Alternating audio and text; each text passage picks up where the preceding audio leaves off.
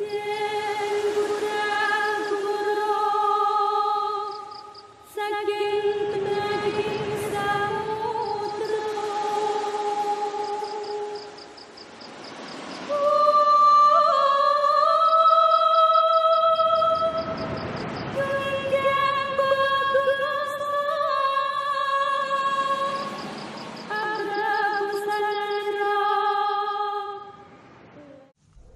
Assalamualaikum warahmatullahi wabarakatuh. Ada satu cerita horor kiriman dari Tegar yang ada di Cirebon. Dan kisah ini dialami sama Tegar waktu dia masih berusia 7 tahun. Tapi sebelum aku bercerita, tentunya aku mau ngucapin makasih banyak buat teman-teman yang selalu setia dengerin podcast kisah lelembut di Spotify, di Google Podcast dan di channel YouTube Kisah Lelembut Official Makasih banyak juga buat yang udah mendukung dengan menekan tombol subscribe, like, dan makasih buat yang udah berkenan komentar. Kisah ini dialami Tegar waktu dia masih berusia 7 tahun. Tegar saat itu mempunyai seorang adik yang bernama Putri. Usia Putri saat itu 3 tahun. Di tahun-tahun itu, Kondisi perekonomian orang tua Tegar benar-benar bisa dikatakan sangat kesulitan. Bapak bekerja di Jakarta sebagai tukang becak, sementara ibu hanya di rumah mengurus Tegar dan adiknya tanpa bekerja apa pun. Untuk makan sehari-hari, Tegar, ibu dan adiknya hanya mengandalkan kiriman dari bapak yang datang setiap bulan. Bapak biasanya pulang ke rumah menemui keluarganya setiap tiga bulan sekali. Tapi sepertinya berbeda dengan saat itu. Saat itu hampir enam bulan lebih, Bapak sama sekali tak terdengar kabarnya. Ibu benar-benar sangat kebingungan saat itu. Pada waktu itu, belum banyak orang yang memiliki handphone. Handphone hanya dimiliki oleh orang-orang kaya yang tinggalnya di kota sementara wartel letaknya jauh dari desa Tegar. Sampai akhirnya, saking bingungnya ibu, dengan uang yang sangat pas-pasan, ibu memutuskan untuk menyusul bapak ke Jakarta. Ibu pergi ke Jakarta dengan mengajak serta Tegar dan juga Putri. Tanpa menemui kesulitan yang berarti, ibu pun tiba di kontrakan bapak. Bapak memang di Jakarta mengontrak rumah bersama kawannya. Dan memang ibu sebelumnya sudah tahu alamat kontrakan bapak.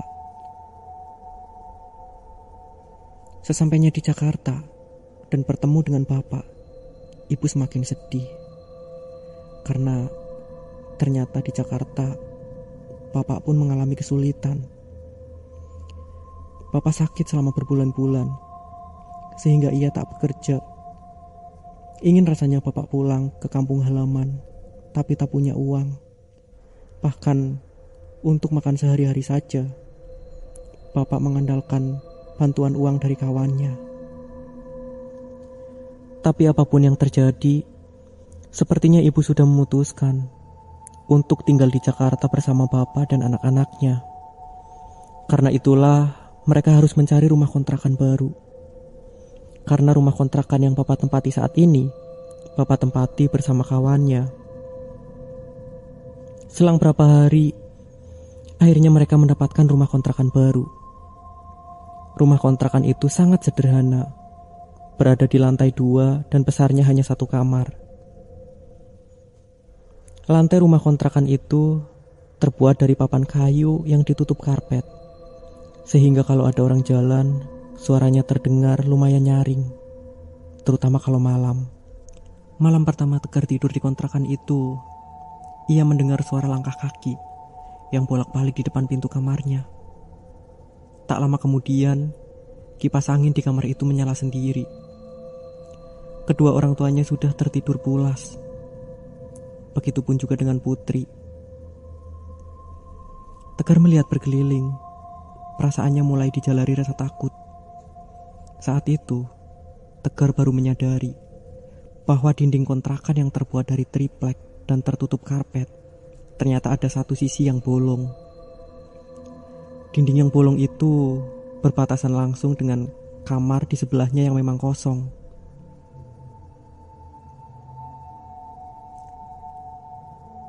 Bolong di dinding itu lumayan besar, mungkin muat dimasuki dua tangan orang dewasa.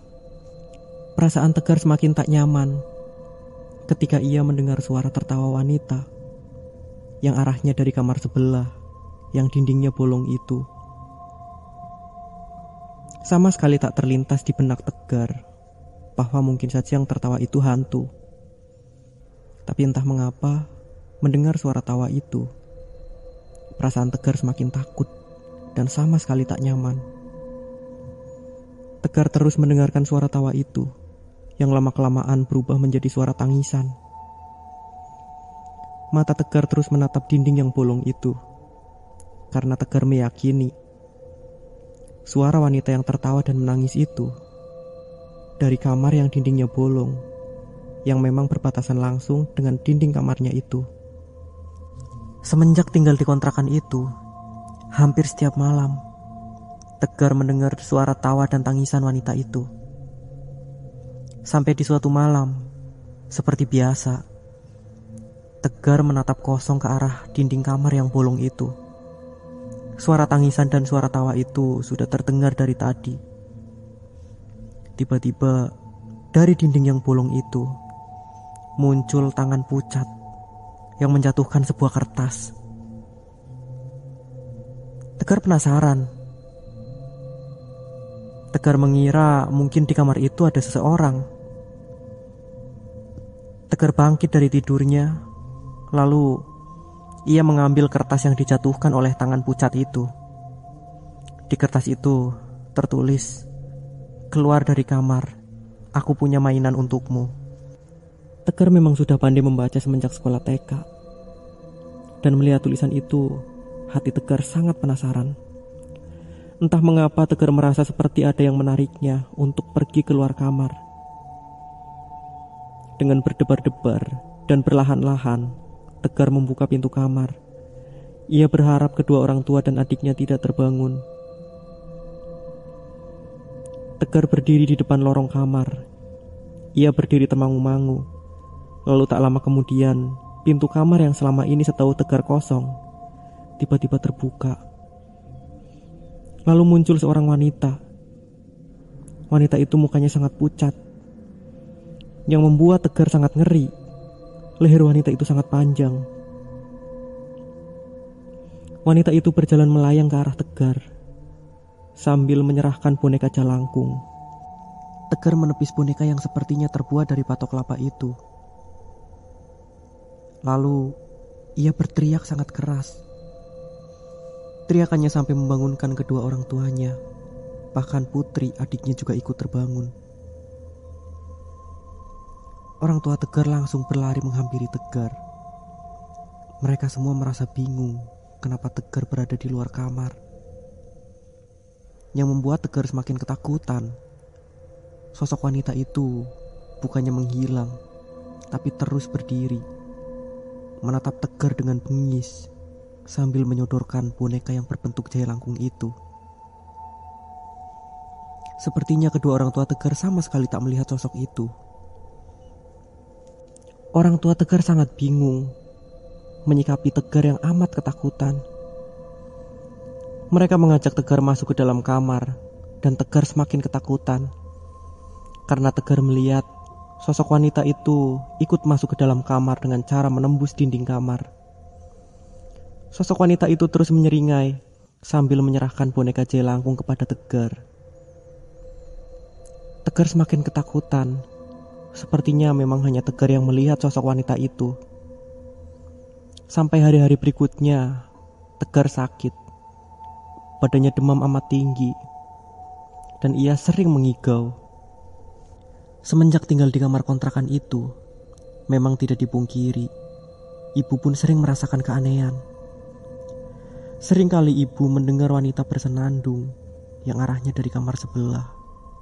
Padahal setahu ibu kamar sebelah kosong. Pernah juga suatu hari Putri memanggil-manggil tante melalui dinding yang bolong Entah tante siapa yang dipanggil-panggil oleh putri. Di suatu malam, Pernah juga Putri tiba-tiba bersenandung lagu Jawa. Padahal selama ini sama sekali tak ada yang mengajarinya tentang lagu Jawa. Semakin lama keanehan demi keanehan terus mereka rasakan. Pernah juga suatu malam tiba-tiba Putri memegang boneka jelangkung yang memang terbuat dari patok kelapa. Entah apa yang pernah terjadi di kamar sebelah, tapi ibu yang paling merasakan bahwa keanehan demi keanehan selalu datang dari kamar sebelah. Sampai akhirnya ibu dan papa memutuskan untuk pulang ke kampung halaman. Papa membuka usaha di kampung halaman. Dan alhamdulillah sampai sekarang usaha papa berkembang pesat. Dan usaha itu mengubah kehidupan kami menjadi lebih layak. Entah apa yang pernah terjadi di kamar sebelah. Biarlah itu menjadi misteri. Tegar tak mau tahu, ibu pun tak mau membahasnya lagi. Mungkin hanya sepenggal kisah ini yang dapat dibagikan di podcast kisah lelembut. Oke teman-teman itu dia tadi sebuah cerita horor kiriman dari Tegar buat teman-teman yang mungkin pernah mengalami kejadian horor dan uh, berkenan buat membagikan ceritanya di podcast kisah lelembut. Teman-teman bisa berbagi cerita melalui link Google Form yang bakalan aku sertakan di description box. Dan sekian dulu episode kali ini. Tentu masih sangat banyak kekurangannya. Aku mohon maaf yang sebesar-besarnya. Terima kasih buat teman-teman yang udah dengerin dan kita berjumpa lagi di episode yang selanjutnya. Pokoknya semoga teman-teman dan kita semua selalu sehat dan selalu menjaga kesehatan. Terima kasih sekali lagi. Wassalamualaikum warahmatullahi wabarakatuh.